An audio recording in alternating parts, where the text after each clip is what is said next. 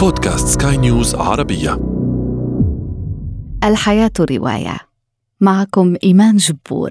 طابت أوقاتكم. علينا أن نحرر أنفسنا من الأمل بأن البحر يوما سيهدأ. علينا أن نتعلم الإبحار وسط الرياح العاتية. كما قال أرسطو في حديث أدب البحر وعلاقة الإنسان بالبحر. متابعة طيبة. الحياة رواية.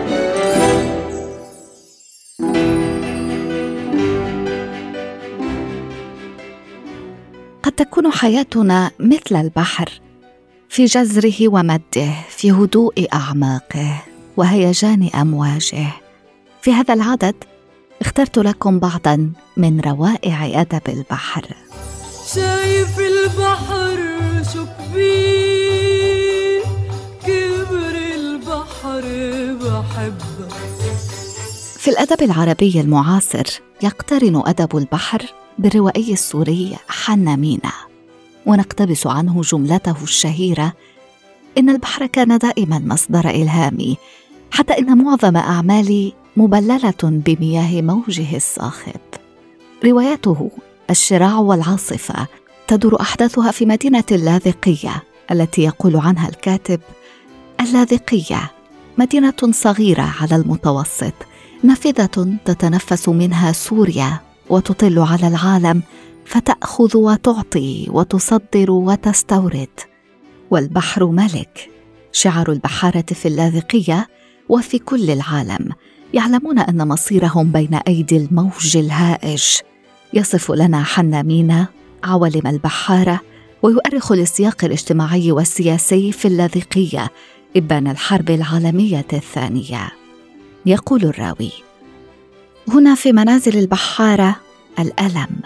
امرأة البحار تعيش على التضحية. تسلم زوجها إلى البحر كل يوم وتسلم معه قلبها ومصيرها ومستقبل أطفالها كل يوم.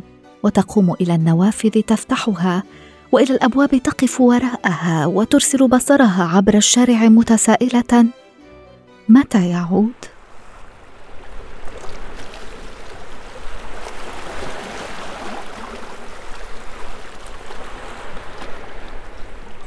ومن أشهر روايات أدب البحر أيضا رائعة العجوز والبحر لإرنست هيمينغوي سانتياغو عجوز فقير وصياد متمرس. يلازمه النحس في إحدى المرات ولا يظفر بسمكة واحدة طيلة أربعة وثمانين يوما يقول هيمينغوي. في الأيام الأربعين الأولى كان برفقة صبي بيد أنه بعد مرور أربعين يوما بلا صيد انبرى والدا الصبي يقولان له إن الرجل عجوز لا شك قد أصابه النحس. انصاع الصبي لأوامرهما ذهب ليعمل في مركب آخر. مست كبد الصبي لوعة حزن وهو يرى العجوز يجيء كل يوم بمركبه خاويا وكان دائما الذهاب إليه ليعاونه. بعد طول انتظار وجهد جهيد توافق سانتياغو أخيرا في اصطياد سمكة ضخمة لم يصطدها أحد قبله في ذلك الخليج الكوبي. كانت معركة شرسة بين سانتياغو وسمكة الميرلين التي ظلت تقاومه لأيام في مواجهة تمثل الإنسان والطبيعة. يقول الكاتب تحمل كل آلامه واستجمع كل ما بقي له من قوة وكل كبريائه الذي اعتد به طويلا ووضعه في مواجهة السمكة التي تغالب آلامها. كانت قصبة الرمح بارزة بزاوية من كتف السمكة واستحال لون ماء البحر إلى لون الدم الأحمر الذي سال من قلبها. ما اطيق الحياة لولا فسحة الأمل. رفيقان على متن سفينة صيد سيلفان ويان. مع نهاية شتاء كل عام يغادران منطقة بروتاني الفرنسية صوب بحر إيسلندا حيث يلبثان ستة أشهر متحديين شبح الظلمات.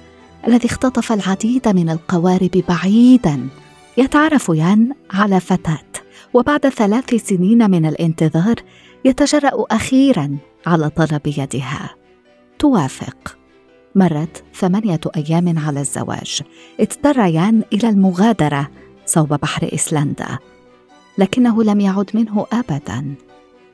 في صياد إيسلندا يصور الكاتب والرحالة الفرنسي بيير لوتي بكثير من الواقعية والإنسانية سطرا من كتاب حياة بحارة يذهبون بلا رجعة.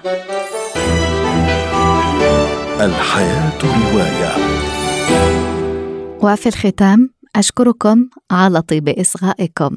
دمتم بخير.